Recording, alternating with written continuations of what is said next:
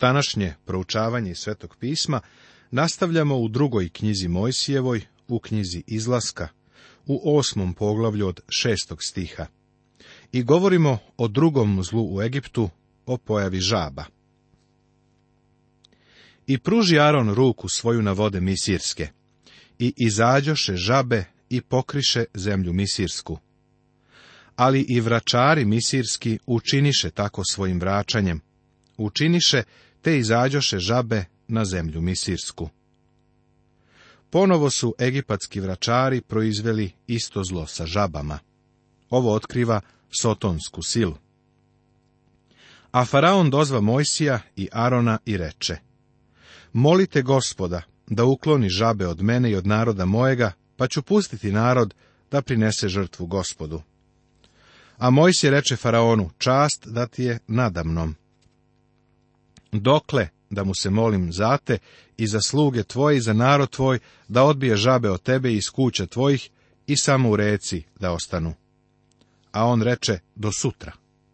A si reče, bit će kako si kazao da poznaš da niko nije kao gospod Bog naš. Otići će žabe od tebe i iz kuća tvojih i od sluga tvojih i od naroda tvojega, samo će u reci ostati. Zanimljivo je zapaziti da iako su vračari uspeli da umnože žabe, nisu mogli da ih uklone. Faraon je bio tako uznemiren ovom nevoljom da je bio spreman da obeća bilo šta. Bog je počeo da prisiljava ovog vladara da prizna i otkrije svoj pravi identitet. I otide Mojsije i Aron od Faraona. I zavapi Mojsije ka gospodu za žabe koje beše pustio na Faraona. A gospod učini po reči sjevoj, I pocrkaše žabe, i oprostiše ih se kuće, i sela, i polja. I nagomile i grtahu, da je smrdela zemlja. A kad faraon vide gde odahnu, otvrdnu mu srce i ne posluša ih, kao što beše kazao gospod. Ovaj odlomak nam pruža podrobniju sliku o otvrdnjavanju faraonovog srca, obavešteni smo da je on sam otvrdnuo svoje srce. Boži ideja u ovome je bio da na površinu iznese ono što je već postojalo u faraonovom srcu. Treće zlo. Vaške. A gospod reče Mojsiju, kaži Aronu, pruži štap svoj i udari po prahu na zemlji, nek se pretvori u uši po svoj zemlji misirskoj. I učiniše tako. Aron pruži ruku svoju sa štapom svojim i udari po prahu na zemlji i postaše uši po ljudima i po stoci. Sav prah na zemlji pretvori se u uši po celoj zemlji Misirskoj. A gledaše i vračari Misirski vračanjem svojim da učine da postanu uši, ali ne mogoše. I behu uši po ljudima i po stoci. I rekoše vračari faraonu, ovo je prst Božiji ali opet otvrdnu srce faraonu, te ih ne posluša, kao što beše kazao gospod. Sve do ovog momenta vračari su uspevali da ponove svako čudo koje je uradila Božja ruka. Iz nekog razloga bili su nemoćni da ponove ovo zlo. Ako su ostala čuda ponavljali trikom onda su makar u toku ove nevolje konačno priznali da je u nevolje uključen Božiji prst. Bog je postepeno uveravao Egipćane da je samo On, Bog. Obožavanje drugih bogova je bilo zakoračilo u sam život Egipćana i u njihovu svakodnevnu rutinu. Ali ovaj sud je doneo odvratnost prema Gebu, bogu zemlje. Geb je bio blisko povezan sa zemljom u svim njenim vidovima. Geb je bio taj koji je predavao o Zirisu o stanju žetve. Reč vaška može značiti i komarac. U osnovi ta reč znači pokriti ili ujesti ili štipati.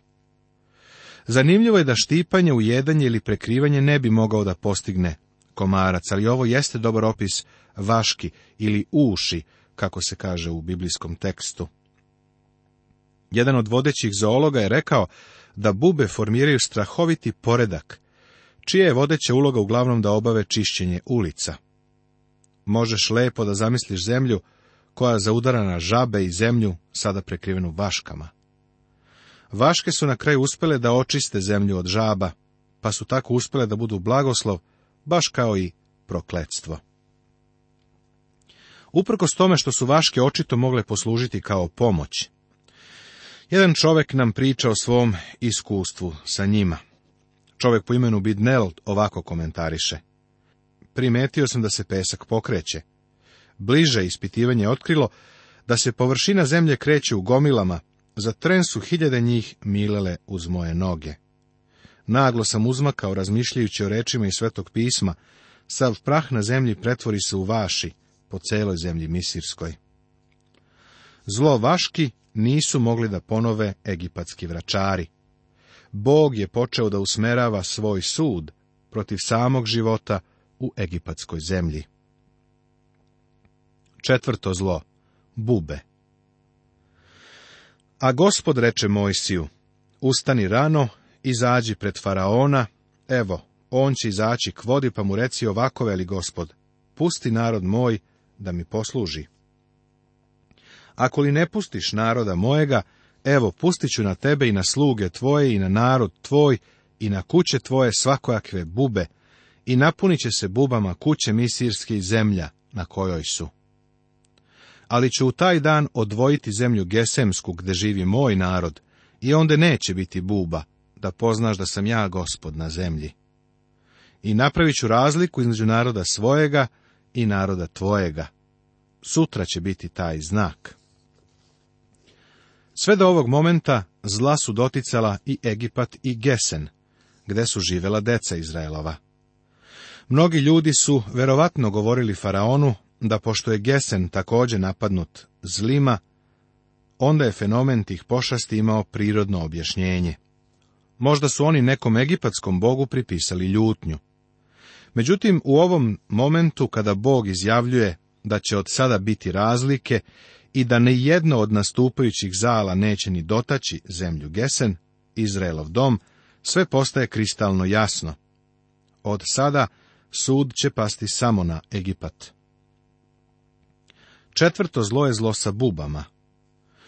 Ove bube su najverovatnije bile sveti tvrdokrilci ili skarabej. Isto tako se zna i pod imenom Zujak, kako je bio poznat u Egiptu. Ovi skarabeji, mnogi od zlata, pronađeni su u egipatskim grobovima. Bili su posvećeni bogu sunca Ra. Ozbiljnost ove nevolje se ogleda u tome što je faraon u ovo vreme bio voljan da napravi neku vrstu kompromisa sa Mojsijem. Obrati pažnju na predlog koji je faraon ponudio kada su ovi sveti tvrdokrilci napali zemlju. I učeni gospod tako i dođoše silne bube u kuće Faraonovu i u kuće slugu njegovih i u svu zemlju Misirsku, da se sve u zemlji pokvari od buba. I Faraon dozva Mojsije Jarona i reče im, idite, prinesite žrtvu Bogu svojemu ovde u zemlji. A Mojsije reče, ne valja tako, jer bismo prineli na žrtvu gospodu Bogu svojemu što je nečisto misircima. A kad bismo prineli na žrtvu što je nečisto misircima na oči njihove, ne bi li nas pobili kamenjem. Tri dana hoda treba da idemo u pustinju, da prinesemo žrtvu gospodu Bogu svojemu, kao što nam je kazao. Egipatski skarabej govorio je o večnom životu. Zamisli kako ova najsvetija stvar postaje prokledstvo za narod i zlo za zemlju. Faraon želi da postigne kompromis. Četiri puta će to pokušavati pre nego što se nevolje okončaju. Mojsije i Aron su želeli da Izraelci na tri dana odu u pustinju i prinesu žrtve. Faraon je rekao, u redu možete žrtvovati, ali da ostanete u zemlji. Ovo je isti kompromis koji prave mnogi današnji hrišćani. Ovaj kompromis je uvek sotonski. On kaže da možemo biti hrišćani, ali da ne treba da se ograničavamo. Budi širokouman hrišćanin, ne menjaj svoj život. Ali ako se tvoj život ne menja, onda nisi hrišćanin. Nemoj sada da me optužuješ da govorim kako moraš da činiš dobra dela da bi bio hrišćanin, jer to nisam rekao. Spasavamo se verom u Hrista i ničim drugim, dela su isključena. Ali, kada se pouzdaš u Hrista radi spasenja, to će promeniti tvoj život. Tu nastupa hrišćansko ponašanje. Prvo se menja unutrašnji čovek. Ono što želim da kažem jeste da je naša savremena crkva napravila mnoge kompromise i velikim delom je još u egipatskoj zemlji. Danas ne možeš da uvidiš razliku između prosečnog hrišćanina i prosečnog svetovnog čoveka. Činjenice nam govore da više od 50% građana Amerike jesu članovi nekog religijskog tela. Kad god sam u avionu i kad služe koktele, ja igram jednu igru da mi brže prođe vreme. U početku sam imao običaj da brojim ljude koji uzimaju koktele. Ali to je postao veliki poduhvat, tako sad brojim samo ljude koji ne uzimaju pića. Neki dan sam bio u avionu u kome samo četiri osobe nisu uzele alkoholno piće. Sada prijatelju u tom avionu trebalo je da budi nekih članova crkava, oni su izgleda prinosili žrtve u Egiptu. To su ti širokoumni ljudi koji nisu želeli da budu ukočeni ili staromodni. Oni žele da žive kao svet. Danas smo u trci sa dva konja. Jedan konj je crn, a jedan beo. Ako odlučiš da ih jašeš i jednu nogu staviš na jednog, a drugu na drugo konja, uskoro ćeš doći do neobičnog otkrića, ovi konji će potrčati u suprotnim pravcima. Moraš da odlučiš kojeg ćeš konja jahati. Mojsije neće da prihvati faraonov kompromis.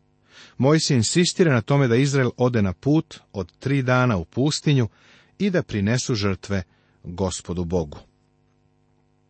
A zatim sledi drugi faraonov kompromis koji nudi. A faraon reče, Pustit ću vas da prinesete žrtvu gospodu Bogu svojemu u pustinji, ali da ne idete dalje, pa se molite za me. Faraonova dozvola ovoga puta je samo za senku drugačija od prethodne. On kaže, ne idite mnogo daleko i molite se i za mene. Ovo je opet ista vrsta kompromisa koji danas mnoge crkve, čak i fundamentalne, prihvataju, takozvani svetovni program. Oni ceo program sprovode na osnovu banketa, promocija, nadmetanja i tako dalje. Mnoge crkve danas su toliko nalik na svet da ih je teško razlikovati od kluba ili bilo nekog drugog sportskog kluba, čije je članstvo uglavnom sačinjeno od onih koji ne poznaju Hrista. A Mojsije reče, evo ja idem od tebe i molit ću se gospodu da otidu bube od faraona i od sluga njegovih i od naroda njegova sutra. Ali nemoj opet da prevariš i da ne pustiš naroda da prinese žrtvu gospodu. I otide Mojsije od faraona i pomoli se gospodu. I učini gospod po reči Mojsijevoj. Te otidoše bube od faraona i od sluga njegovih i od naroda njegova, ne ostani jedna. Ali opet otvrdnu srce faraonovo i ne pusti naroda. Faraon otvrdnjava svoje srce i Bog čini da se samo otkrije ono što je u tom srcu već postojalo. Poglavlje deveto Tema Egipatska stoka je napadnuta stočnom pošasti, što je nesumnjivo značilo smrt. Sami Egipćani su napadnuti boginjama koje su bile bolne, čirozne izrasline. Na kraju je Bog poslao zlo u vidu grada, praćenog strahovitom olujom. Napomena Bog nastavlja da se bavi tvrdokornim faraonovim srcem i svojim narodom. Sve dok se faraon bude odupirao gospodu Bogu, muka i nevolja će se izlivati na Egipat i na njegove stanovnike. Do ovog poglavlja rečeno nam je da je faraon sam sebi otvrdnjavao srce, a sada nam je kazano da je Bog otvrdnuo srce Faraonu. Faraonovo stalno odbijanje da prizna gospoda Boga i da posluša njegove želje, dovelo je do toga da se Božja sila pokaže kroz uništavanje. Bog želi da na nas izlije blagoslove, ali naše odbijanje može te blagoslove da pretvori u uništenje. Isti je slučaj sa Faraonom. Peto zlo pomor. Tada reče gospod Mojsiju, idi k faraonu i reci mu, ovako veli gospod Bog jevrejski, pusti narod moj da mi posluži. Ako li ih ne pustiš, nego ih još staneš zadržavati, evo, ruka gospodnja doći će na stoku tvoju u polju, na konje, na magarce, na kamile, na volove i na ovce, s pomorom vrlo velikim i odvojit će gospod stoku izraeljsku od stoke misirske, te od svega što je sinova Izraeljevih neće poginuti ništa. I postavio je gospod rok, rekavši, sutra će to učiniti na zemlji gospod.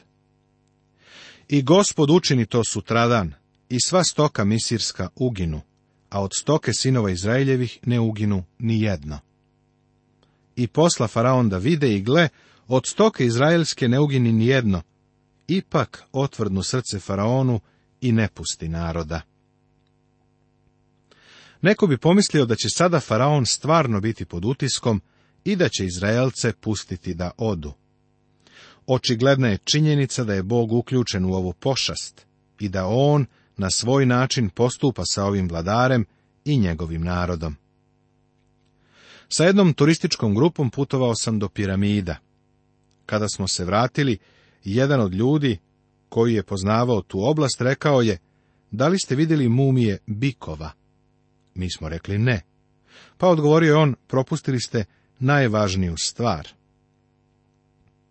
Tako se nekoliko njih iz naše grupe vratilo tamo da fotografiše te mumije. Ja nisam bio zainteresovan da se vraćam 30 km po toj vrućini da bih video mumije bikova. Ali one su tamo doslovno stotine njih, s poštovanjem sahranjene u sarkofazima. Arheolozi su nedavno počeli da ih otkopavaju. Apis crni bik bio je obožavan u Egiptu. Drugi po veličini hram koji je Egipat sagradio bio je smešten u Memfisu, a bio je namenjen obožavanju crnog bika Apisa. Apis je trebalo da predstavlja utelovljenje ili oličenje pta od Memfisa. Apis, za koga se mislilo da je nastao zahvaljujući mesečevoj svetlosti, odlikovao se sa više osobina. Za novog Apisa se uvek smatralo da se rađao na smrti staroga. Stari bik je bio balzamovan i sahranjivan u Memfisu. Njegova duša bi zatim prelazila u drugi svet kao Oziris Apis. Možda ćeš reći da su oni ovdje obožavali bolesnu kravu. Bog se verovatno ovome smejao. On sada svoj sud usmerava na obožavanje ove ružne, strašne institucije idolopoklonstva, koja je tako bila obuzela egipatski narod, ali i Izraelce. Kasnije ćemo vidjeti da su se i Izraelci odali idolopoklonstvu. Šesto zlo. Crne boginje. Tada reče gospod Mojsiju i Aronu, uzmite pepela iz peći pune pregršti i Mojsije neka ga baci u nebo pred faraonom. I postaće prah po svoj zemlji Misirskoj, i od njega će postati kraste pune gnoja, i na ljudima i na stoci po svoj zemlji Misirskoj.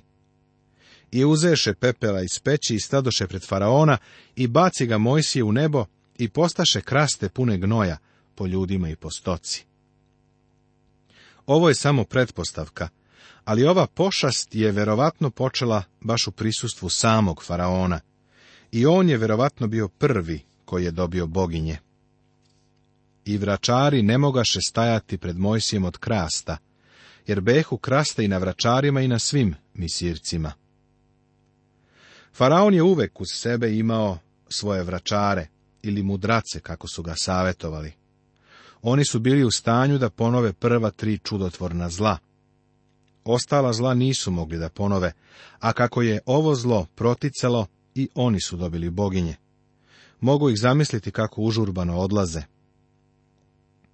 Po prvi put, Bog svojim sudom dotiče čoveka, baš kao i životinje. On napada čovekovo fizičko telo. Sveštenici koji su služili u egipatskim hramovima morali su da budu čisti, bez ikakve vrste osipa ili bolesti. Ovo zlo u vidu boginje je iznenada došlo na njih, pa su bili nečisti i nepodobni da služe u hramovima. To je proizvelo zastoj u svim lažnim službama obožavanja u Egiptu. Prošao sam jednim delom ruševine grada Memfisa. Ta ruševina je praktično sada sva nestala, ali arheolozi znaju nešto o veličini tog velikog grada. Od jednog do drugog prolaza bio je hram za hramom. U Memfisu je bilo više od hiljadu hramova i u svima njima su služili sveštenici. Možeš zamisliti šta je ovo zlo sa boginjama uradilo službama u tim hramovima. Sve se usporilo do samog mirovanja. Sva blistava svetla su se pogasila. Nastavit će se.